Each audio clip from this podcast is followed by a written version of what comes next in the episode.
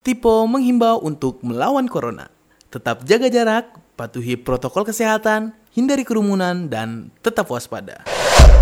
Halo semuanya, berjumpa lagi sama gue Trian Diatnin di Tipo Trendy Podcast Pada episode kali ini gue bakal sedikit cerita nih Bukan sedikit cerita sebenarnya, ingin menceritakan ulang Kejadian yang menurut gue paling fenomenal Dan kejadian yang menurut gue tuh paling spektakuler sepanjang hidup ini cerita apa? Ini cerita penaklukan Konstantinopel oleh Muhammad Al-Fatih. Muhammad Al-Fatih. Sultan Muhammad Al-Fatih. Oke, jadi sini gue bakal ngeceritain dikit. Uh, di sini tuh gue bakal rekomendasiin juga karena ada satu film yang menurut gue tuh bagus banget. Lu bisa nonton di YouTube. Judulnya itu Fetih 14 53 itu durasi filmnya kalau nggak salah tuh dua setengah jam. Dan film ini menceritakan tentang film penaklukan Konstantinopel. Itu. Jadi kalau misalkan emang lu pengen nonton atau cerita ini cerita gue ini kurang jelas lu bisa langsung uh, apa namanya bisa langsung deng, uh, nonton filmnya di Fetih di YouTube ada. Fetih 1453 dan udah subtitle bahasa Indonesia. Nah di sini gue pengen sedikit menceritakan tentang penaklukan Konstantinopel oleh Muhammad Al-Fatih. Siapa sih sebenarnya Muhammad Al-Fatih itu? Muhammad Al-Fatih adalah seorang raja atau seorang sultan dari kerajaan Utsmani yang paling terkenal. Dan terkenalnya juga sampai sekarang tuh masih banget terkenal. Terkenal banget gila. Gue juga sampai uh, Al-Fatih gitu. Uh, gue tuh ngefans banget gitu yang merupakan sultan ketujuh dari sejarah Bani Utsmania. Al-Fatih adalah gelar yang disenantiasakan melekat pada namanya karena dialah yang mengakhiri atau menaklukkan kerajaan Romawi Timur yang telah berkuasa selama 11 abad. 11 abad itu kurang lebih selama 1100 tahun.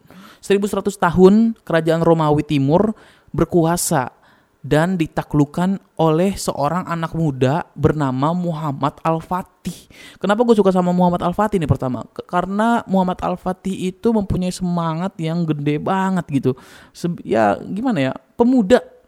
Pemuda loh seorang pemuda. Jadi kalau misalkan kalian masih pemuda, kalian harus mempunyai jiwa seperti Muhammad Al-Fatih yang membela Islam dan menaklukkan Konstantinopel.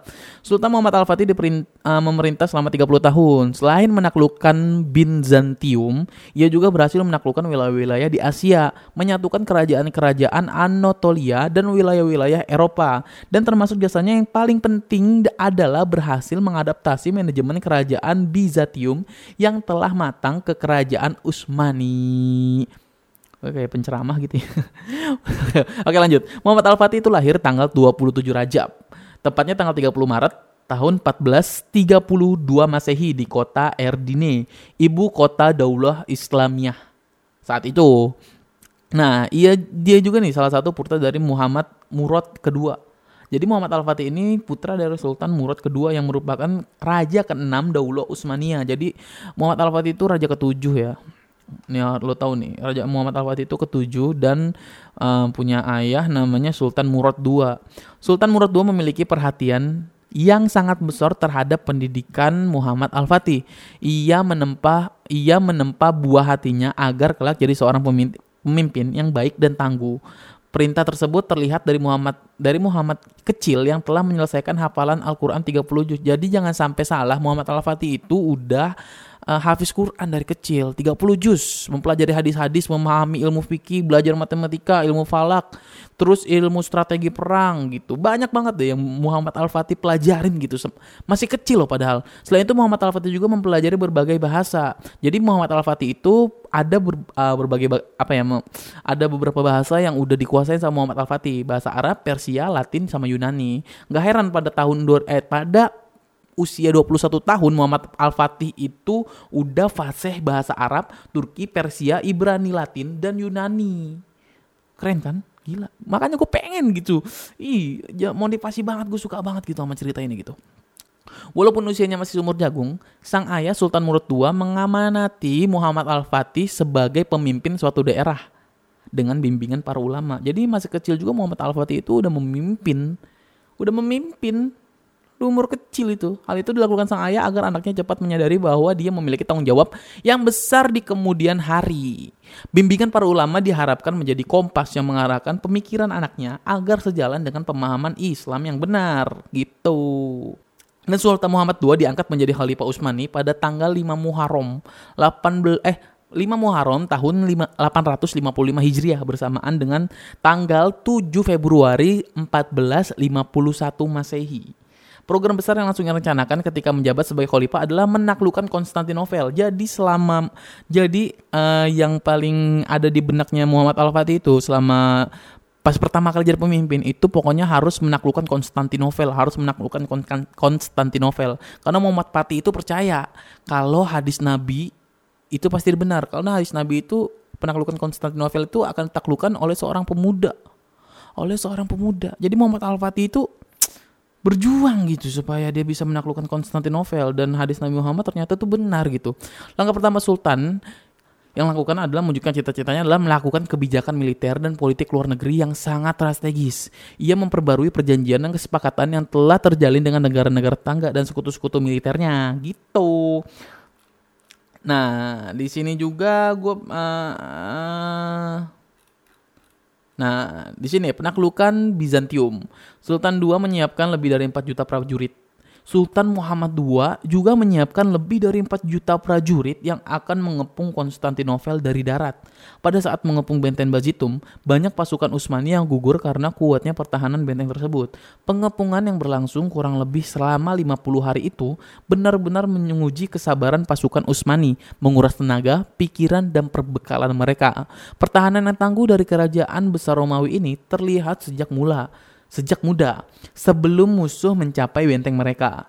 Bizantium telah memagari laut mereka dengan rantai yang membentang dari semenen, ya, dari semenanjung tanduk emas tidak mungkin bisa menyentuh benteng Bazitum kecuali dengan melintas rantai tersebut. Akhirnya Sultan Muhammad II menemukan ide yang dianggap merupakan satu-satunya cara agar bisa melewati pagar tersebut. Ide ini mirip dengan yang dilakukan oleh para pangeran Cave yang menyerang Bazitium pada abad ke-10. Para pangeran Cave menarik kapal keluar selat Bosporus mengelilingi Galata dan meluncurkan kembali ke Tanduk Emas. Jadi yang belum tahu Galata, Galata itu suatu bukit. Jadi lu bayangin, uh, jadi pasukan Muhammad Al-Fatih narik kapal naik ke bukit dan nurunin lagi gitu. Jadi mendaki gunung lewati lembah. Gitu paham ya? Dan meluncurkan kembali ke tapi pasukan mereka tetap dikalahkan oleh orang-orang Bazantium Romawi. Sultan Muhammad melakukan dengan cara yang lebih cerdik lagi. Ia menggandeng 70 kapalnya melintas Galata ke Muara setelah meminyaki batang-batang kayu. Hal itu dilakukan dalam waktu yang sangat singkat, tidak sampai satu malam. Di pagi hari, Bazantium kaget bukan kepalang karena mereka sama sekali tidak mengira Sultan Muhammad dan pasukannya menyeberangkan kapalnya mereka lewat jalur darat. 70 kapal laut diseberangkan lewat jalur darat yang masih ditumbuhi pohon-pohon besar. Menembangi pohon-pohonnya dan menyeberangkan kapal-kapal dalam waktu satu malam adalah suatu kemustahilan menurut mereka. Akan tetapi itulah yang terjadi. Peperangan dahsyat pun terjadi. Benteng yang tak tersentuh sebagai simbol kekuatan Bazantium itu itu akhirnya diserang oleh orang-orang yang tidak takut akan kematian. Akhirnya kerajaan besar yang berumur 11 abad itu jatuh ke tangan kaum muslimin. Wow, keren banget. Peperangan besar itu mengakibatkan 600 eh, mengakibatkan 265 ribu pasukan umat Islam gugur pada tanggal 20 Jumadil awal atau tanggal 29 Mei 1453. Tuh, jadi uh, 265 ribu pasukan umat Islam gugur dalam pertempuran ini gitu. Sultan Muha Sultan Al-Ghazi Muhammad berhasil memasuki kota Konstantinopel. Sejak saat itulah ia dikenal dengan nama Sultan Muhammad Al-Fatih penakluk Konstantinopel. Namanya Sultan Al-Ghazi Muhammad. Saat memasuki Konstantinopel, Sultan Muhammad Al-Fatih turun dari kudanya lalu sujud sebagai tanda syukur kepada Allah. Setelah itu, ia menuju gereja Hagia Sophia, Hagia Sophia dan memerintahkan mengganti uh, dan memerintahkan menggantinya menjadi masjid. Konstantinopel dijadikan sebagai ibu kota, pusat pemerintahan kerajaan Utsmani dan kota ini diganti namanya menjadi Istanbul yang berarti negeri Islam. Lalu akhirnya mengalami perubahan menjadi Istanbul. Pertama tuh Istanbul pakai M. Yang diganti sama Muhammad Al-Fatih itu namanya Istanbul, bukan Istanbul sekarang kan Istanbul, tapi pertama tuh Istanbul. Selain itu, Sultan Muhammad Al-Fatih juga memerintahkan untuk membangun masjid di makam sahabat yang mulia Abu Ayyub Al-Ansori radhiyallahu anhu, salah seorang nabi, uh, sahabat Nabi Muhammad SAW yang wafat saat menyerang Konstantinopel di zaman Khalifah Muawiyah bin Abu Sofyan radhiyallahu anhu. Jadi emang di situ ada satu makam yang makamnya itu digali terus ya dimakamkan lagi dengan dimakamkan yang layak sama Muhammad Al-Fatih. Apa yang dilakukan Muhammad Al-Fatih tentu saja bertentangan apa yang dilakukan oleh Sultan Muhammad tentu saja bertentangan dengan syariat sebagaimana sabda Rasulullah SAW. Ketahuilah bahwa sesungguhnya umat-umat sebelum kamu telah menjadikan kuburan nabi-nabi mereka sebagai tempat ibadah. Tetapi janganlah kamu sekalian menjadikan kuburan sebagai tempat ibadah karena aku benar-benar melarang kamu melakukan perbuatan itu. Kekeliruan yang dilakukan oleh Sultan Muhammad tidak serta-merta membuat kita menafikan jasa-jasa yang sangat besar. Semoga Allah mengampuni kesalahan dan ke kekhalifahannya beliau rahimahullah.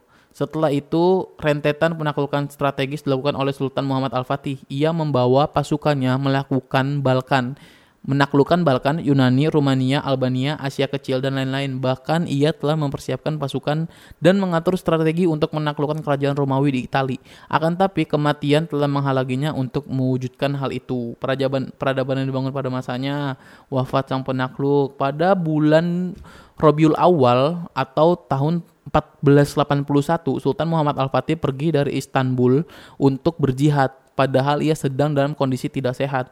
Di tengah Perjalanan sakit yang ia derita kian parah dan semakin berat ia rasakan. Dokter pun didatangkan untuk mengobatinya. Namun dokter dan obat tidak lagi bermanfaat bagi sang sultan. Ia pun wafat di tengah pasukannya pada hari Kamis tanggal 14 Rabiul Awal atau tanggal 3 Mei 1481.